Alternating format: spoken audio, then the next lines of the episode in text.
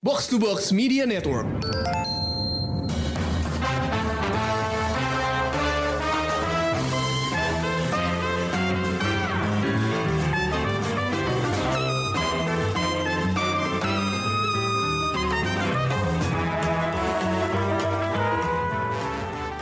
Halo pendengar Showbox, balik lagi bareng gue Amy dan kali ini kita kembali lagi setelah hiatus yang agak panjang uh, karena kita sibuk dan kesusahan menemukan film yang mau direview dan ditonton.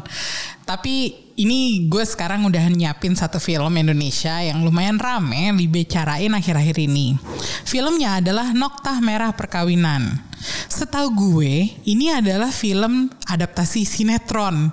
Kebayang gak sih dulu tontonan Indosiar kali ya?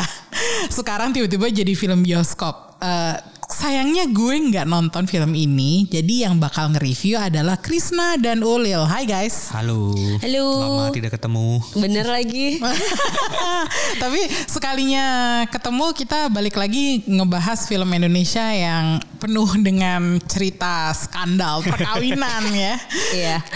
Nggak tanggung-tanggung kita bakal Kali ini drama genrenya Iya, ya. drama dan nggak cuma drama aja tapi drama perkawinan yang ada perselingkuhannya gitu. Kurang kontroversial apa lagi tuh? Lagi hits ya. Nah itu dia. Gue rasa nih topiknya bakal panjang nih gue Kita ngobrolin Nokta Merah Perkawinan Seakan-akan kita konseling nih. Soalnya tadi kita udah ngobrol-ngobrol sedikit Dan ternyata obrolannya panjang Sampai kita lupa rekaman. Eh, Gue pengen nanya dulu deh sama Krisna sama Ulil Apa yang kalian tahu tentang proyek ini Sebelum nonton filmnya? Maksudnya kalian tahu kan Ini dari sinetron Tapi kenapa tiba-tiba bisa jadi film? Terus kenapa dipilihnya yang main adalah bintang-bintang kekinian seperti Marsha Timothy sama Oka Antara itu ada nggak sih kalian punya cerita nggak sih? Oke. Kita udah memandang mata doang nih gue sama Krisna. Kalau menurut gue pribadi, ini kayaknya mau bring back the memories aja sih. Karena si Nokta Merah Perkawinan ini kan dulunya sebuah sinetron yang legendaris kan. Diperanin sama Ayu Azari, sama Cok Simbara. Terus kayaknya ya udah di remake aja gitu. Dan kalau ngelihat dari jajaran castnya, kayaknya sekarang lagi zaman ya film dengan bertabur bintang gitu gak sih? Kayak dari ngeri-ngeri sedap terus uh, beberapa film Indo yang lain kayaknya banyak banget gitu loh. Karena kan ya Oka Antara ya kita tahu lah dia salah satu Iya, aktor terbaik. betul. Marsha, Marsha Timothy pun begitu dan Sila Dara. Lupa. Dara Ya, yang lagi rame banget Oh, kayaknya ya sangat tahun ini produktif banget tahun ini. Iya, banget Di kan. OTT, di layar lebar. Iya, series juga. Mungkin syutingnya udah dari lama sebenarnya. Oh, betul. Cuman keluarnya aja tahun 2022 semuanya sekaligus gitu. waktu pandemi pada produktif ya ya gue ini sih cukup menantikan si Sila Dara ini menurut gue lumayan next big thing juga kali ya di Iya. industri film Indonesia kita. Ah, oke oke. Eh, kalau misalnya eh, kita lihat bintangnya yang Hmm. sinetronnya dulu adalah yang seperti Ulil bilang tadi itu Ayu Azhari dan Cok Simbara. Di mana di eranya mereka juga bintang-bintang Iya, top betul. kan. Jadi nggak heran kalau yang sekarang ini versi filmnya itu dipenuhi juga dengan ensemble cast yang bertabur bintang. Iya. Harus satu tier lah dengan Iya. Pada dia, masanya. Satu tier. Satu tier. Kesannya apa gitu? Sama ini juga kali ya. Kayaknya kebetulan kan ini produsennya ya apa rumah produksi sama juga kan Rapi Film Oh kan. iya iya iya iya. Ya Jadi hitung-hitung ini ya apa namanya sekalian menghasilkan box office dan eh, mengangkat nostalgia lama gitu. Bener juga sih teorinya boleh juga sih. Tapi sinopsis singkatnya Nokta Merah Perkawinan tuh apa sih? Dan kenapa judulnya Nokta Merah Perkawinan gitu? Itu yang gue gue penasaran. Kenapa judulnya Nokta Merah? Ada yang bisa jawab gue gak? Nah, nokta merah tadi kayaknya Ulil udah cerita gitu. Artinya nokta merah. titik merah dalam sebuah perkawinan gitu. Kalau di sini sih tadi ngelihatnya adalah apa namanya eh, kayak sebuah apa ya? Tit apa gimana ngomongnya ya? Sebuah apa ya ke Jadi kekurangan masalah. ke- jadi masalah gitu di se- masalah Dalam ber- sebuah masa perkawinan. dalam sebuah perkawinan gitu. Tapi emang ceritanya apa sih? Nah. Kayak kenapa heboh banget gitu? Ceritanya sih sebenarnya ya drama pernikahan gitu ya maksudnya nggak nggak nggak ada sesuatu yang baru atau gimana gitu pokoknya film ini ya ada Oka Antara sebagai Gilang terus ada Marsha Timothy sebagai Ambar nah film ini dimulai lang- di titik di mana kayak kita bisa ngelihat banget apa ya pernikahan mereka udah jauh dari harmonis gitu hubungannya udah sangat dingin udah apa ya komunikasinya udah Nggak udah, bener. udah inilah udah udah nggak- nggak sehat lah gitu bisa dibilang Jadi di awal film aja mereka udah berantem gitu. udah berantem intinya. dan itu Oh. bisa mungkin bukan nggak berantem kali ya dingin karena Ah. nggak belum nggak langsung ada adegan teriak-teriak atau apa enggak tapi ya ini makanya butuh aktor sekelas mereka sih Iya. kayak, kayak lewat cara mereka apa ya eh, ngobrol cara mereka bereaksi dari setiap eh, tingkah pasangannya itu Hmm. menunjukkan ketidaknyamanan gitu dan kita bisa ngerasain itu gitu. Hmm. Nah ya pokoknya mereka di tengah situasi kayak gitu terus jadi si Ambar ini kebetulan dia kayak apa ya punya kelas apa ya keramik dia Keramik, dia heeh.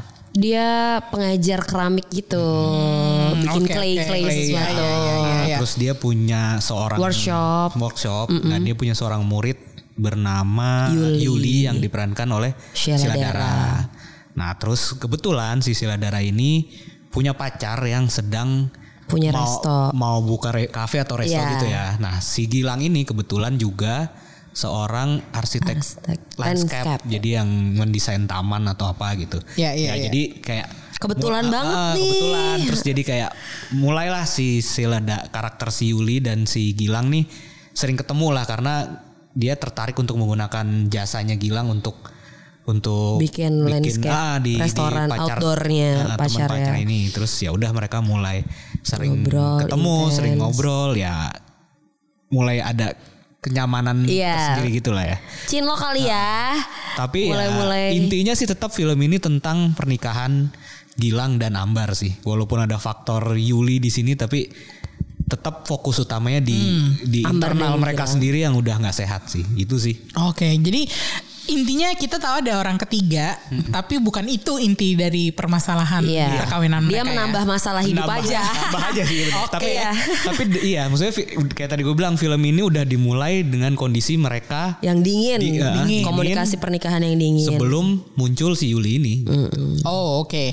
Berarti eh, kesan pertama yang kalian dapat dari film ini tuh sebenarnya film ini tuh sebagai apa? Sebagai drama pernikahan atau drama perselingkuhan atau kisah psikologis atau gimana sih? Jadi yang kesan yang kalian dapat pertama kali setelah nonton film ini tuh apa yang dirasain? Jujur aja gue sempat agak maju mundur sih nonton film ini awalnya kayak Oh kenapa tuh? Karena gue mikirnya takut ya kayak sama kayak versi sinetronnya dulu kan kayak drama perselingkuhan gitu gue agak Hmm. agak males sih nonton drama perselingkuhan biasanya yang terlalu Ribet gitu over ya. dramatis gitu kan dan dan biasanya punya kecenderungan untuk terlalu mengantagoniskan si orang ketiganya gitu kan. Ya gue nggak suka nyebut istilah ini tapi ya let's say kayak pelakor gitu Iya. kan. Terus sering jadi kayak Iya, antagonisnya. iya, iya, nah gue sempet khawatir lah kayak gitu. Cuman akhirnya ya setelah nonton ternyata enggak sama sekali sih. Ini beneran lebih drama pernikahan. Jadi fokusnya memang si tentang si Gilang dan Ambar. Ambar, yang Menyelesaikan masalah iya yang Berusaha emang berusaha menyelesaikan menyelesaikan masalah Dan dan, mempertahankan pernikahan Iya, mereka Jadi dalam kata lain Chris kalau bisa dibilang ini berarti di luar ekspektasi lo dong. Karena lo sudah mengharapkan sebuah drama perselingkuhan yang ribet banget, ternyata bukan itu fokusnya gitu. Iya lumayan dalam artian positif ya di luar ekspektasi gua tapi dalam artian positif karena jauh lebih bagus dari yang gua kira film. Ah, oke oke, paham. Kalau Ulil sendiri gimana? Apa yang kesan pertama setelah nonton sama ekspektasi awal sebelum nonton apakah sama atau gimana Lil?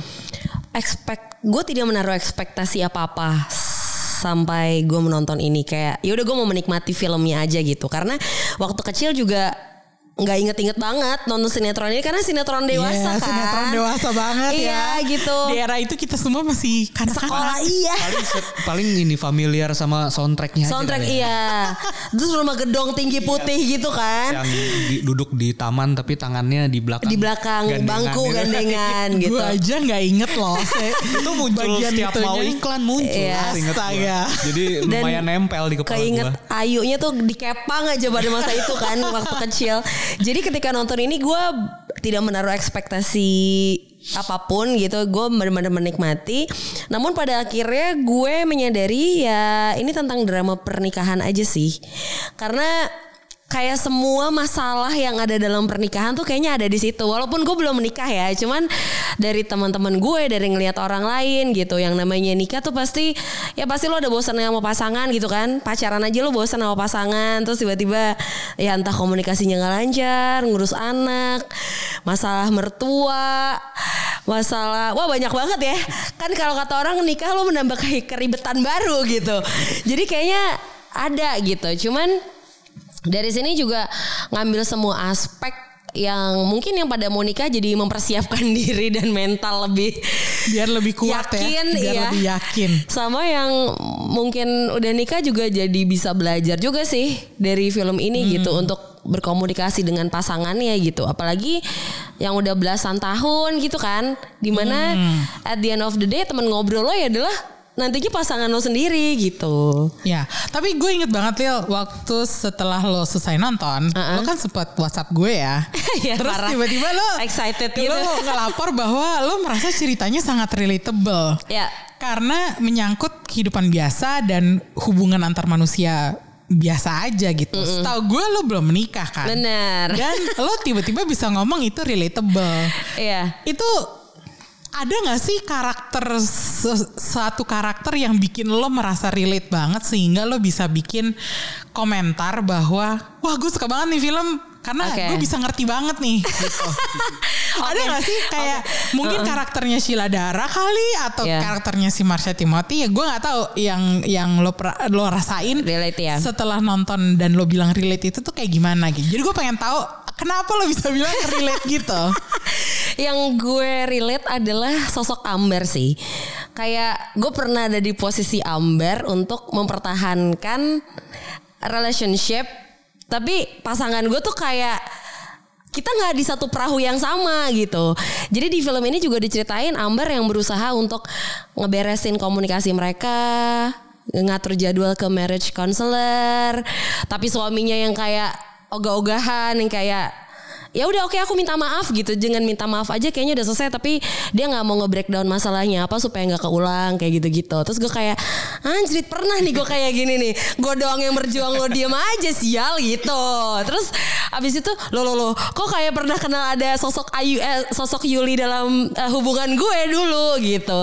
Cuman pada akhirnya oh ya iya emang kadang-kadang tuh eh, teman-teman gue pun yang udah nikah pernah ada di momen ada orang baru yang tiba-tiba datang dan bikin nyaman di luar eh, apa ya di luar hubungan lo dan istri lo atau dan suami lo gitu loh yang kayak nyaman sama teman kantornya lah jadi teman curhat segala macam gitu kan ini juga kelihatan dari cinloknya si Yuli sama Mas Gilang gitu kan yang gara-gara ngomongin tanaman terus akhirnya eh berangkat bareng naik kereta Bercandanya nyambung. bercandanya nyambung, whatsappan gitu-gitu. Jadi ternyata kayaknya ya kayaknya semua orang pernah mengalami ini gitu ya, hampir pernah walaupun mungkin porsinya beda-beda gitu. Jadi lo melihat diri lo di sosok Ambar gitu ya? Iya Kayak- sosok Ambar belum nikah tapi sayang ya. cukup Sayang. apa cukup universal juga dalam artian ini kan masalah hubungan Iya, in relationship betul. ya. nggak nggak nggak cuma Iya. untuk orang yang sudah menikah ya maksudnya Betul. ya siapa pun yang in relationship gitu yang Ada di dalam situ komitmen ya. gitu kan Apalagi yang mungkin teman-teman gue ada yang udah pada punya anak gitu ya, tugas nganter jemput anak gitu loh, ya nggak Iya, sih? iya, iya. Antar Banyak- jemput banyak anak, hal-hal yang ngebelah badan, tuh terasa sangat dekat gitu dekat, ya. maksudnya eh, ya dekat dalam artian ya orang yang sudah menikah dan punya anak ya hidupnya memang Akan begitu. begitu gitu ya di luar konfliknya ya tapi kayak memang kesehariannya kayak begitu ya tag tim jemput anak, tag tim ngasih obat gitu kan, tag Dan tim itu- ketemu ibu mertua. dan itu makin terasa dekat balik lagi karena yang aktor yang memerankannya pun ya si Oka dan si Marsha nih bener-bener alami banget Alami. maininnya Dan mungkin karena mereka juga udah menikah ya, jadi Oh iya, secara nggak langsung bisa lebih bisa memahami, memahami gitu. bisa gitu. jadi sih Jadi eh, yang menurut kalian adalah konfliknya tuh real world banget ya. Jadi bisa dipahami oleh orang-orang yang baik itu sudah menikah atau belum menikah. Ya konfliknya ya di- bisa dikenali gitu, Iya. bisa Iya. identifiable. Iya. gitu. kita bener. bisa tahu lah emang ya itu masalah banget dalam sebuah hubungan gitu. Ya, oke. Tapi sekarang nih ya, Ulil belum menikah. Krisna sudah menikah. Iya. Jadi, gue penasaran apakah pandangannya Krisna terhadap film ini tuh beda gitu. Kan eh, tadi kan Ulil bilang dia bisa identify dirinya dekat dengan sosok Ambar. Meskipun status pernikahannya beda gitu. Kalau Krisna apakah ada sosok di film ini yang bisa merasa relate juga? Atau misalnya nggak perlu relate lah tapi merasa lo punya opini khusus terhadap tokoh ini yang lo kenalin dalam hidup lo juga gitu. Uh, dan kalau lo sudah menikah, apakah lo bisa melihat diri lo di situasi yang sama seperti yang ada Waduh. dengan banget di situasi pasangan ini. ini, gitu. Iya. Jadi gue penasaran aja uh, sudut pandang lo sebagai pria, Pria. yang sudah Menikah. menikah, itu menyikapi film ini tuh gimana gitu. Iya. Karena gue kemarin bilang sama Emi, tapi aku nggak tahu ya kalau Krisna mandangnya gimana kan dia udah nikah ya Mi. karena si Gitu. Ngomong kayak gitu, gue jadi penasaran kan. Bener nggak Ka- nih? Karena memang pandangan Ulil sama Krisna kan usia kalian juga beda Iya. gitu. Ya jangan dibahas. Jadi Jam mungkin- terbangnya beda. Mungkin jam terbangnya beda, prioritas hidupnya juga beda. Jadi gue mungkin merasa lah kalau misalnya si Krisna nonton Gilang sama Ambar, mungkin dia bisa lebih relate sama si Gilang ya, mungkin ya. Mungkin. Jadi gue pengen tahu aja sih Kris, gimana pendapat lo sebagai pria yang sudah menikah dan menikah nggak cuma setahun dua tahun kan, lo udah cukup lama juga tahun. kan. Hampir lima tahun. Nah itu dia, jadi berarti istilahnya jam terbang lo juga udah lumayan nih. gitu.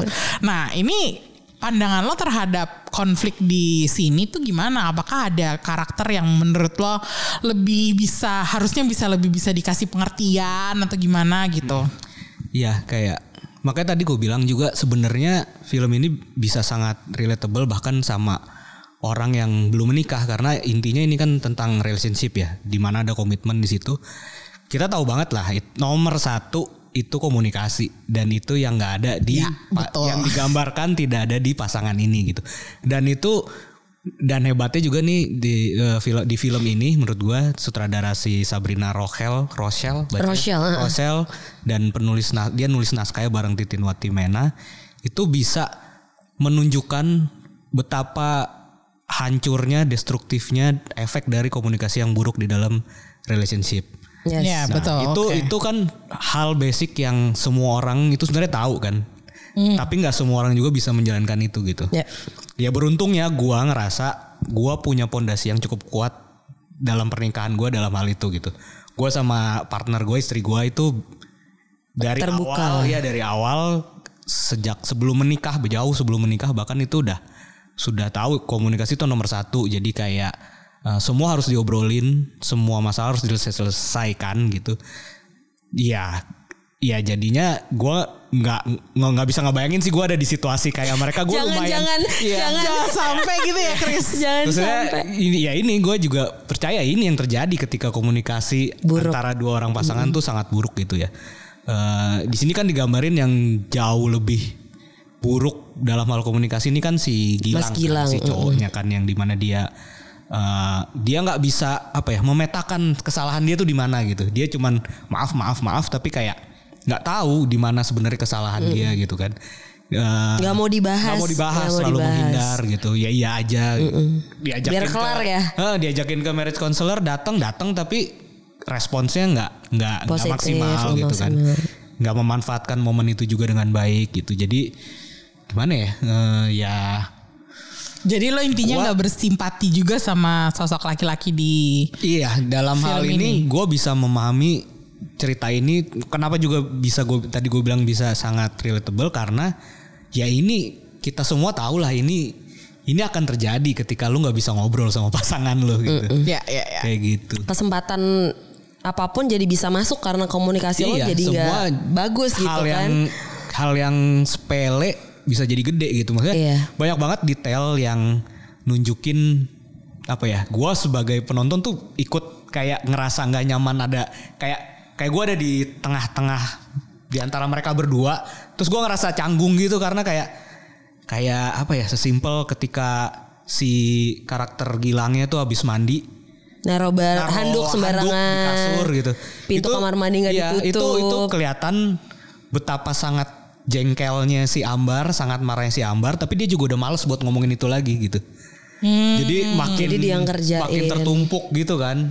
Nah, terus kayak Oh satu lagi detail yang gue suka itu dari sisi anaknya siapa Eh, Bagas. dan Ayu. Mas Di sini Bagas kan Ayu. Ya. Bagas udah lebih dewasa ya. Dia udah lebih kayak gua nggak tahu persis sih umurnya tapi kayak kayak sih sekitar kelas 5 atau kelas 6 SD gitu.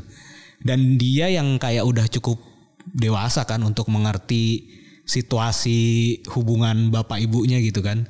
Dan di sini kelihatan dia cukup stres untuk menjaga suasana rumahnya sih. Keharmonisan. Iya, jadi banyak adegan bapaknya. tuh ini apa ya? Mungkin ini buat orang yang tidak pernah ada di situasi yang orang tuanya apa ya punya masalah mungkin nggak Komunikasinya nggak baik, iya. nggak akan terlalu Relate. relate gitu ya tapi mungkin kalau yang ada di posisi kayak gitu mungkin akan sedikit mengingatkan memori buruk itu sih di mana kayak apa ya ketika situasi mulai memanas dia tuh selalu berusaha mencari cara agar Tenang. tenang agar tidak semakin meledak apa gitu Atau itu beban anak pertama ya Krisna? Iya bisa jadi sih karena kan justru sebaliknya si Ayu kan yang belum belum Iya, ngerti. malah yang itu malah troublemaker kayak, mulu iya, kan. justru kayak saking polosnya sih ya karena dia belum Bener. ngerti itu Ceplas-ceplos dia aja. ngadu sesuatu yang bikin bakal bikin ibu bapaknya tuh berantem, Berantem, lagi gitu sementara ya makanya dia sering dimarahin sama Bagas gitu kan kayak udah diem aja gitu kayak ya itu kebayang sih itu detail-detail yang yang apa ya gua suka banget karena semuanya bisa ditampilin dengan Tersirat ya. Heeh, tapi lu bisa nangkep secara emosi lu kena eh tapi juga semua itu terasa ya Real. emang real gitu realitas dalam pernikahan tuh nggak bisa dihindari ada aja masa yang kayak gitu gitu Ini menarik banget ya karena eh, peran dari anak-anaknya pasangan ini eh, enggak dikesampingkan gitu. Karena eh, iya nyokap gue itu marriage counselor Ya. dan sering kali nyokap gue tuh cerita kalau pihak yang paling sering dirugikan dari pasangan berantem itu adalah anak-anaknya. apalagi kalau Oke. masih Iya. kecil gitu ya karena anak-anaknya Bikin trauma ya. Karena anak-anaknya keba bingung kan, dia mau membela ibunya apa membela bapaknya, bapaknya. gitu. Jadi gue Iya. seneng Iya, iya. mengetahui bahwa film ini tuh ikut menyuarakan Iya. anak-anaknya Anak-anak, iya, iya. gitu. Jadi nggak nggak cuman dari masalah orang tuanya aja, masalah Gilang dan Ambar, tapi juga dari suaranya si anak-anak mereka Iya. gitu. Jadi sepertinya ini memang dimaksudkan untuk ngasih pandangan yang menyeluruh ya Iya. terhadap sebuah perkawinan. Iya. Nggak cuman antara suami istri, tapi semua anggota keluarga. Termasuk mertua. Mertua-mertua. Iya Iya, benar. termasuk hubungan ke mertua mertua. Ini nih, gue penasaran nih. Mertua Ya. itu kalau di Indonesia ya mau nggak mau lo harus kadang lo ngelus dada ya Iya. mertua lo kayak Ya kayak gitulah. gimana gitu. Ah-ah. Menurut lo di sini gambaran mertua itu tuh gimana wajarkah atau segitu nyebelinnya kah sampai lo bikin gondok gitu atau gimana? nggak nggak wajar dan nyebelin tapi itu realitas Iya.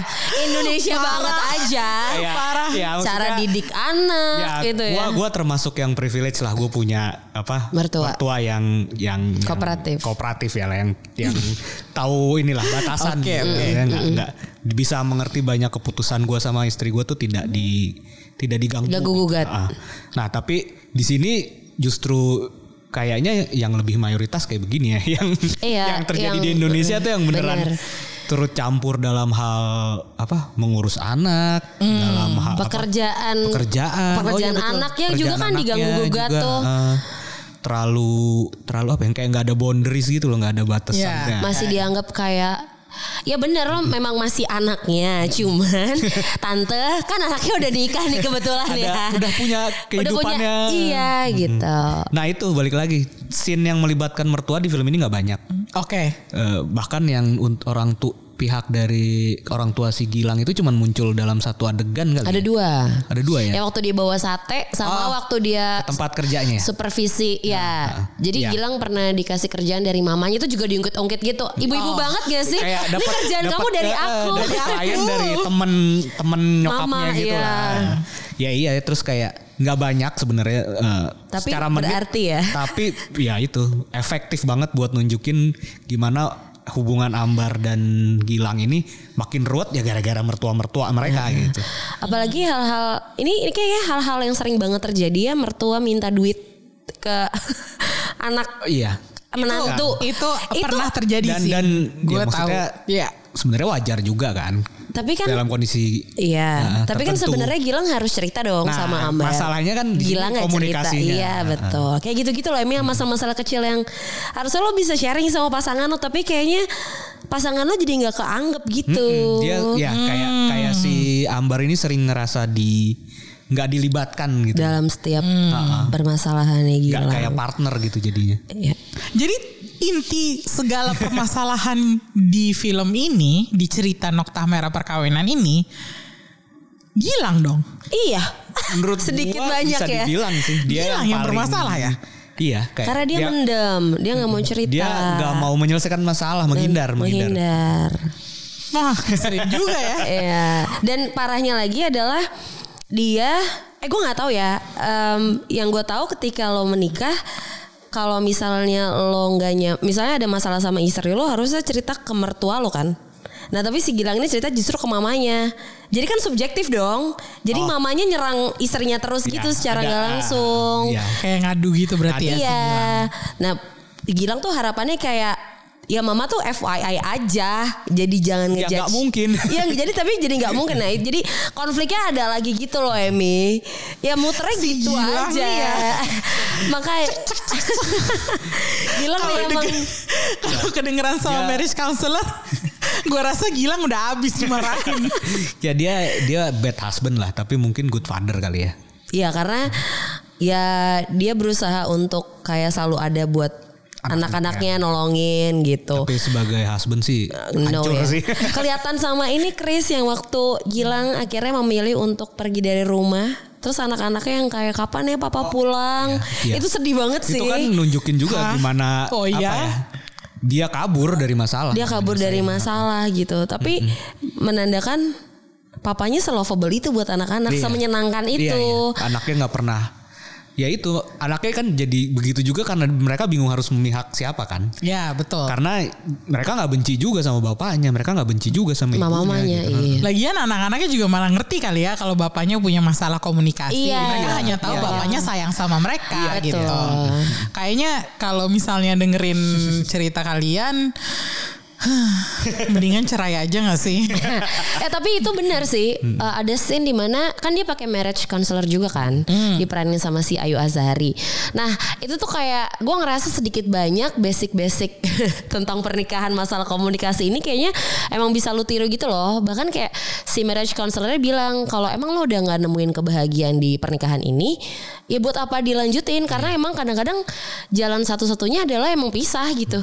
Biar lo ketemu bahagia gitu. Gue kayak Logis sih. Masuk akal Ya, sih, cuman sih, emang. susah ya.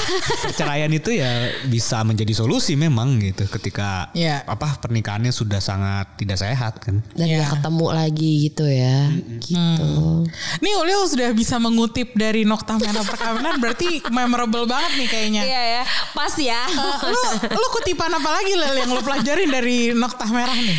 Oh, ada nih waktu deh ini udah ini udah di belakang banget. Jadi kan ceritanya si Amber minta cerai kan. Terus masuklah Oh, ke oke. pengadilan terus eh, Amber bilang sama Gilang, "Kalau tolong lo nggak usah datang di pengadilan supaya ini cepat selesai karena dia mau cerai kan. Kan kalau di pengadilan kalau satunya nggak datang kan lo nggak kooperatif akhirnya cerai kan. Terus pas di pengadilan, pas ada momen scene pengadilan, ternyata si Gilangnya datang. Berarti kan ada apa eh, kelakuan baik niat baik dari Gilang gitu kan. Terus akhirnya pas dia datang Amber datang Gilangnya bilang kayak gue mau minta momen bentar dong. Gue ngobrol sama istri gue terus kayak mereka pandang-pandangan nge-recall waktu awal nikah lagi gitu-gitu. Terus ada satu satu line yang bikin gue dek itu adalah eh, mereka bilang kayak aku yang salah pernikahan ini nggak nggak nggak nggak works gitu kita berantem mulu terus kata Gilang gini tuh salah kamu salah aku juga dar keren juga sih bener nih emang harus emang harus toleran bukan toleransi sih apa ya emang harus gitu gak sih ketika lu udah nikah Krisna Ya betul. salah lo salah gue Iya. juga gitu semua, kan Semua udah masih udah berdua gitu. Iya kak. Jadi kayak wah iya juga nih bener ya. Jadi gue nggak maksudnya nggak ada lagi egosentris untuk ya semua gara-gara lo gitu kan. Kalau emang salah ya kita benerin bareng-bareng gitu. Lumayan lah. Ya itu kan Marriage 101 gue sayangnya harus sampai sejauh itu ya untuk Untuk ya, menyadari itu semua.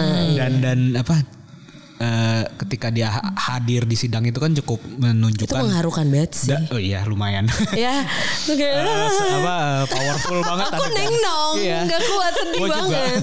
adegannya lumayan kuat banget sih Iya. powerful banget Oh. Eh, dua-duanya wah gila ada actingnya sama ya ini sih nunjukin akhirnya dia mau berusaha untuk menyelesaikan masalah mungkin itu kali berubah. ya yang Iya, iya. yang akhirnya menyelamatkan gitu ya. Dia mau Baru pada saat itu Gilang tersadar Ya. bahwa Iya. dia bisa menyelesaikan masalah. berusaha Berusaha. bukannya bisa berusaha Eh, karena ya dengan dia datang berarti dia pengen menyelesaikan masalah ini gitu Oh. apa pun hasilnya gitu ya. apa pun hasilnya. Oke. Heeh. ya itu mungkin yang sedikit penyelamat lah Hmm.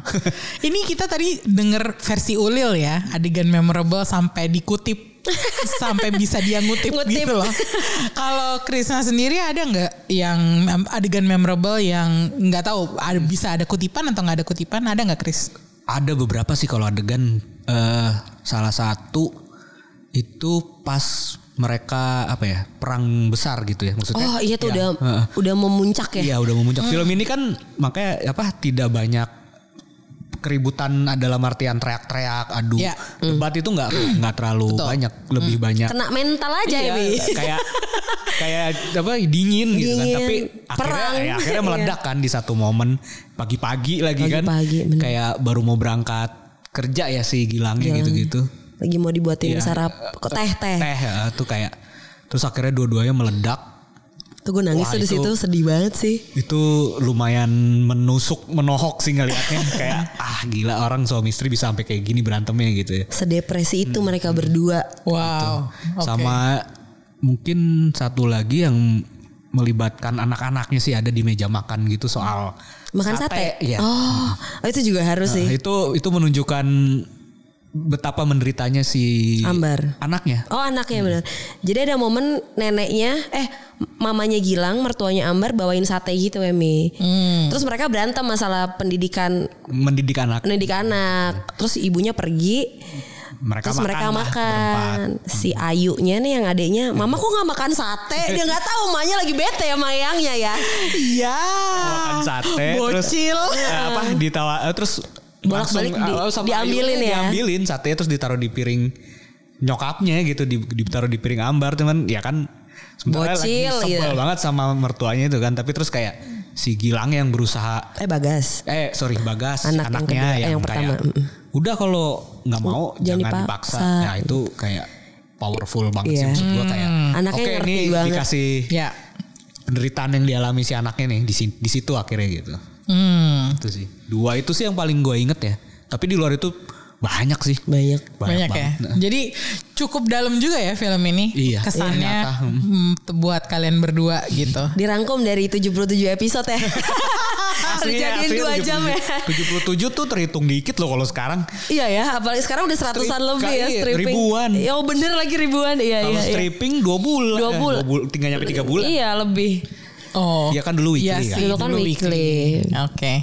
Jadi intinya film ini eh, apa yang bagian terbaiknya tuh apanya bagi kalian?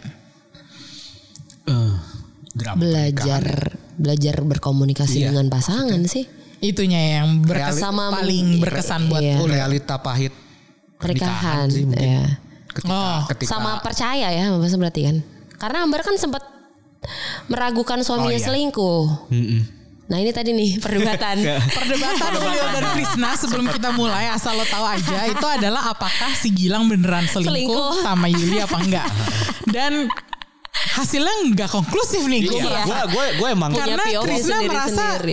Gua itu tidak yakin. tidak yakin bahwa Gilang selingkuh. Sementara Ulil bilang Gilang selingkuh. Iya. Ayo deh, ya- langsung aja deh kalian debat. eh, ya ya emang ada beberapa momen yang kelihatan Attach banget ya. attach banget dan kayak emang itu udah melewati batas gitu ya, melewati batas yang harus dilakukan orang yang udah punya komitmen gitu ya.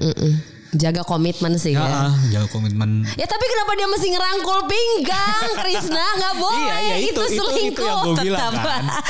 Masalahnya ngapain nelpon malam-malam kerjaan enggak ya? enggak Bukan itu habis kerjaan. berantem iya sih. Iya bang, gue gak yakin. Jadi gue Iya. nggak nggak bisa nggak bisa Iya. bilang itu perselingkuhan. karena Gilangnya terlihatnya dingin Iya. sama si Yuli tapi di beberapa momen dia kayak punya emotional attachment juga sama si ini anak yang gitu. yang bikin gua ragu itu ada satu adegan yang apa ya eh, menunjukkan kalau si Gilang ini nggak punya apa ya perhatian, Perhatian lebih, gitu lebih. loh jadi Oh, kayak terhadap Yuli Iya, maksudnya. jadi kayak ada satu momen mereka balik ba- balik bareng gitu lah bisa ada ada acara di Bogor ya. Maksudnya acara ini pun acara peresmian si taman Ah, itu ya, eh, Nah, kafe maksudnya konteksnya emang kerjaan lah mereka sama-sama diundang gitu ya. Kebetulan terus mereka balik bareng naik mobil karena udah malam kan. Jadi biasanya naik kereta ini naik mobil gitu. Nah, di satu momen si Yulinya ini ngomong kayak eh gue turun eh Ya, gua- aku turun. aku turun di Blok M aja deh gitu. Habis dari situ gue udah deket eh udah deket ke kosan gitu. Nah, terus si si siapa? Gilang. Si Gilang menanggapi dengan eh Gua lupa bilang. gue lupa bilang gue langsung ke kantor gitu. Maksud gue eh di situ udah set boundaries juga Iya ya maksudnya kalau kalau dia emang punya perhatian lebih nggak usah ke blok M dianterin ke Ke kosan. kosan. Iya betul. Ini kayak Ini ya laki udah, ya, POV kayak- laki. Laki iya. banget. Realistis tapi benar, iya. Tapi kayak terus dia eh nggak tetap nganterinnya ke sampai kantor aja terus ya ya udah gitu. Hmm. Dan dan di banyak di banyak pertemuan mereka juga kan lebih banyak urusan kerjaan, Kerjaan. kan nggak pernah di luar kerjaan kan tapi gua nggak mau bilang itu nggak juga sih gua nggak yakin itu Gagal dia gak yakin. gua nggak yakin Kalau Ulil eh, Adalah fling-fling ukurannya dikit pasti. ukurannya beda gitu ya, Uh-uh. karena ada adegan tadi seperti merangkul di merangkul kereta. di kereta itu lumayan sih Merangkul pinggang loh. Pinggang loh. Kalau tangan tuh masih oke ya. Pinggang tuh Iya ya weird Ya. menurut gue udah Ya, nggak. udah Gitu Oke lah. sih. Dan mereka tuh tatap-tatapannya tuh bermakna gitu loh. semakin lama ngobrolnya semakin Intens gitu Intens. ya. Atau mungkin karena ya ya gitulah fling-fling chinlock gitulah ya. Hati-hati ya guys. ya gue mau ngingetin aja. ya iya sih Eh, tapi by the way, selingkuh nggak selingkuh, tetap pernikahannya Gilang sama Ambar secara rusak udah terpisah itu dari konflik orang ketiga ini sepertinya emang udah Udah kacau sehat, aja. udah Udah kacau. Ya, kalau lu puas berarti dengan endingnya, Chris? Atau menurut lo ada ending lain yang menurut lo sebaiknya bisa di Gua nggak masalah Lakukan. sih sama endingnya tapi sebenarnya mungkin pribadi gue berharap eh, endingnya berbeda. bahwa Oke. mereka cerai? Iya maksud gua ya udah maksudnya ketika filmnya udah seril terasa seril ini ya udah sekalian kayak Bisa. apa ya eh, kit- apa kayak menunjukkan kalau memang perceraian tuh kadang emang bisa jadi Solusi. solusi Solusi, gitu. iya. nggak nggak harus jadi sesuatu yang terlalu tabu atau gimana gitu ya ya ketika sudah nggak bahagia udah nggak sehat ya untuk apa juga dipertahanin gitu kan Hmm. tapi ya nggak apa-apa juga karena di sini ditunjukin si siapa si Gilang, Gilang. akhirnya udah menyadari kesalahannya walaupun harus selama itu ya sampai harus kayak gitu. Nah itu itu dia sih. Makanya gue nggak nggak tahu juga karena kalau kalau emang dia udah selingkuh itu unforgivable kan maksudnya Oh, udah oke. Dalam udah- sebuah pernikahan udah- gitu ya. dalam sebuah pernikahan ya udah udah udah jelas buat apa lagi dipertahanin gitu ya Ya. tapi kalau memang tidak ada perselingkuhan akhirnya dia, dia menyadari masalahnya dia itu hanya di komunikasi itu kan masih bisa diberi Beres. kesempatan Oh, gitu ya ya, ya. jadi ya nggak yakin sih gue Tetap dia gak yakin. Gak yakin. Ya. Kalau Lil apakah bahagia dengan endingnya? Gue sih gue sih suka ya dengan endingnya karena eh sakralnya pernikahan mungkin ya buat gue mereka sama-sama akhirnya mau berjuang dan mencoba lagi gitu. Akhirnya kan happy ending mereka nggak jadi cerai gitu. Terus di di belakang tuh ada satu scene yang kan si Ambar nih eh apa keramik eh, apa eh, dia pengrajin putri eh, pengrajin keramik gitu kan. Dia punya keramik yang dia udah buat tiba-tiba tuh pecah gitu Emmy di rumahnya. Oh. Terus di ending itu keramik tiba-tiba udah jadi tapi udah ditempel. Jadi kayak ya lo akan Simbolis ya? Simbolis kayak ya ini keramik kalau udah udah pecah bisa digabungin lagi tapi mungkin nggak semulus nggak semulus yang ketika masih cantik gitu. Jadi ya ya menurut cracknya tetap ada cracknya tetap ada gitu. Jadi buat gue sih endingnya cukup memuaskan ya gitu. Setelah diterpa konflik yang wuh gitu. ya kan? Ya semoga dia bisa belajar lah ya sobat. Nih gue pengen nanya nih sekarang. Kan ini dari sinetron. Ya. Sekarang jadi film. Kalau tiba-tiba filmnya dibuat jadi sinetron lagi. Maksudnya dengan cerita yang film ini. Dengan cerita film ini terus tiba-tiba di Oka Antara dan dipanjangin. Marsha Timothy. Iya. Wah ngapain sih? Enggak sih. Udah lah guys. Ya, udah, Iya, iya. udah cukup, sudah Iya. cukup pembelajarannya. iya, jadinya terlalu bertele-tele malah jadi nggak masuk akal gak sih? Jadi porsi filmnya Siapa ini tahu udah, ada nokta udah merah pas. perkawinan dua gitu ya. Udah Iya pas. gue nggak minta juga sih.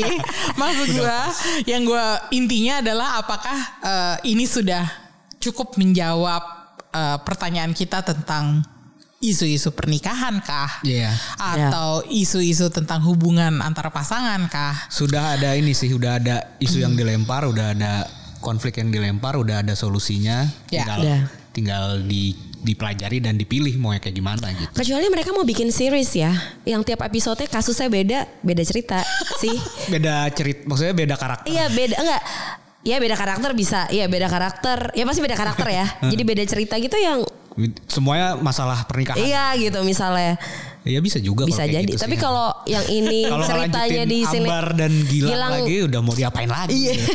Udah baik kan? Oke oke. Kesian anaknya. iya benar. Si Bagas ya menderita Bagas terus sama. Ayu. Iya. Oke, sekarang kalian kasih rating deh 1 sampai 5. Berapa bintang yang bakal kalian kasih ke film ini? Tinggi sih. Empat atau empat setengah ya? Empat setengah deh. Wow. Iya, gue sama empat setengah. Pas setengah ya. Berarti ini film harus wajib banget ditonton ya. Iya. Oke, Udah berarti secepatnya ditonton. Iya, Iya. karena udah pada mau turun tuh. Iya, karena udah ngantri juga film-film Iya. yang mau rilis. jangan-jangan pada saat episode ini keluar udah hilang filmnya dari bioskop. Belum, Belum sih sih. feeling Belum, gue. belum ya. Gua minggu ini belum sih. Oh, oke. Berarti masih ada harapan nih buat kalian yang belum nonton untuk Minimal mengejar film ini. weekend inilah. Walaupun mungkin udah Beberapa studio terbatas ya. Tapi nggak apa-apa guys, nanti kan masih ada OTT kan. Kita sekarang Iya. rame OTT. Jadi kalau misalnya Dalam hitungan bulan lah paling ya, ya sekarang. pengen banget nonton film ini tapi nggak Iya sempat nonton di bener. bioskop, nantikanlah di OTT yang Iya. sedang marak memasukkan film-film Iya. Indonesia. Kalau film kayak Nokta Merah Perkawinan ini sih eks- ya kayaknya bakal eksperi apa rasanya bakal sama sih asal lu nontonnya fokus gitu ya. Iya, iya. di iya. layar bioskop atau di Iya. OTT kayaknya. nggak perlu spektakel yang gede banget Iya. gitu kan. Yang gitu. penting yang penting ceritanya. Fokus, nah, fokus ke pas nonton fokus itu aja sih. Hmm, oke. Eh, sebelum kita say goodbye, gue denger-dengar Ulil nonton film yang juga lagi populer, yaitu Iya. Saya Saya Patah. Iya. Gimana Lil menurut lo tentang film ini dan dibandingkan dengan Nokta Merah ini? Soalnya eh, Saya Saya Patah kan promonya lumayan gede ya. Iya. Eh, dan Nicola sama Ariel Tatum. ya kalau misalnya ngelihat promonya sih kayaknya kesannya ceritanya heboh banget Iya, gitu. iya. Tapi setelah dibandingkan gimana Lil? Kalau dibandingkan sih gue masih tetap ke Nokta Merah ya. Mungkin lebih relate ceritanya karena di Sayap Sayap Patah tuh kan dia nggak ceritain tentang istri polisi kan. Nah. Ibu-ibu bayangkari gitu loh. Jadi ini pas nonton Sayap Sayap Patah nih adalah persiapan kalau misalnya nanti yang belum nikah calon suami lo adalah angkatan ya. Lo harus bersiap mungkin di suatu saat mereka Situasinya tidak kembali gitu ke gitu ya. rumah gitu. Astaga. Kan harus dipersiapkan Tugas ya. negara, betul. Tugas negara. Siap gak siap ternyata harus siap gitu kan. Apalagi di sini Ariel Tatumnya lagi hamil besar gitu kan.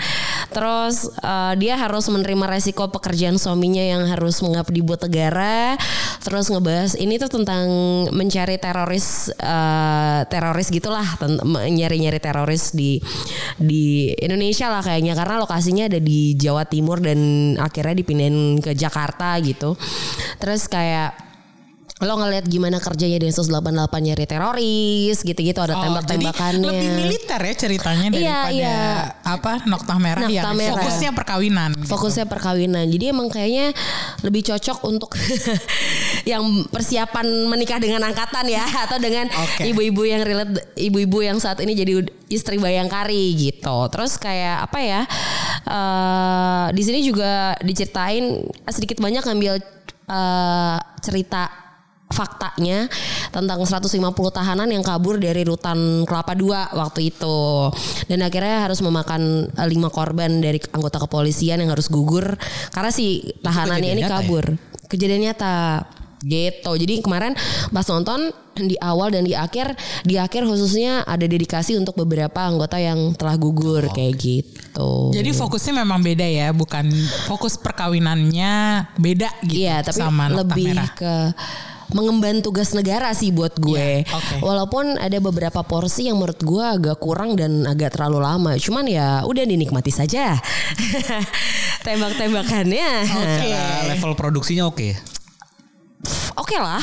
Oke lah untuk level produksinya walaupun nggak yang wow banget ya karena ya standar lah pakai baju baju densus gitu kan buat tembakan segala macam. Dan aktor-aktornya juga bikin lo nge-recall ke masa lalu gitu. Lo ketemu Revaldo lagi ada Nugi ya ada Papa nggak pulang tuh siapa ya? Ar Aryo Wahab Poppy Sofia gitu kan. Lo kayak udah lama nggak melihat mereka di layar kaca kan. Terus kayak oh my god orang-orang ini kangen juga ngelihat ada di film ini gitu Oke, itu tadi bahasan kita tentang Nokta Merah Perkawinan dan ada perbandingannya di sayap-sayap patah. Ternyata filmnya beda banget ya. Beda banget. Jadi eh, mendingan jangan dibandingin. Tapi kalau misalnya sempat nontonlah dua-duanya di bioskop Nokta Merah Perkawinan. Semoga masih ada di bioskop dalam minggu ini pada saat episode ini tayang. Kalau misalnya nggak ada ya tungguin aja di OTT ya. Eh, thank you udah dengerin reviewnya Ulil sama Krisna di Showbox Podcast kali ini dan kita ketemu lagi di episode berikutnya. Bye bye.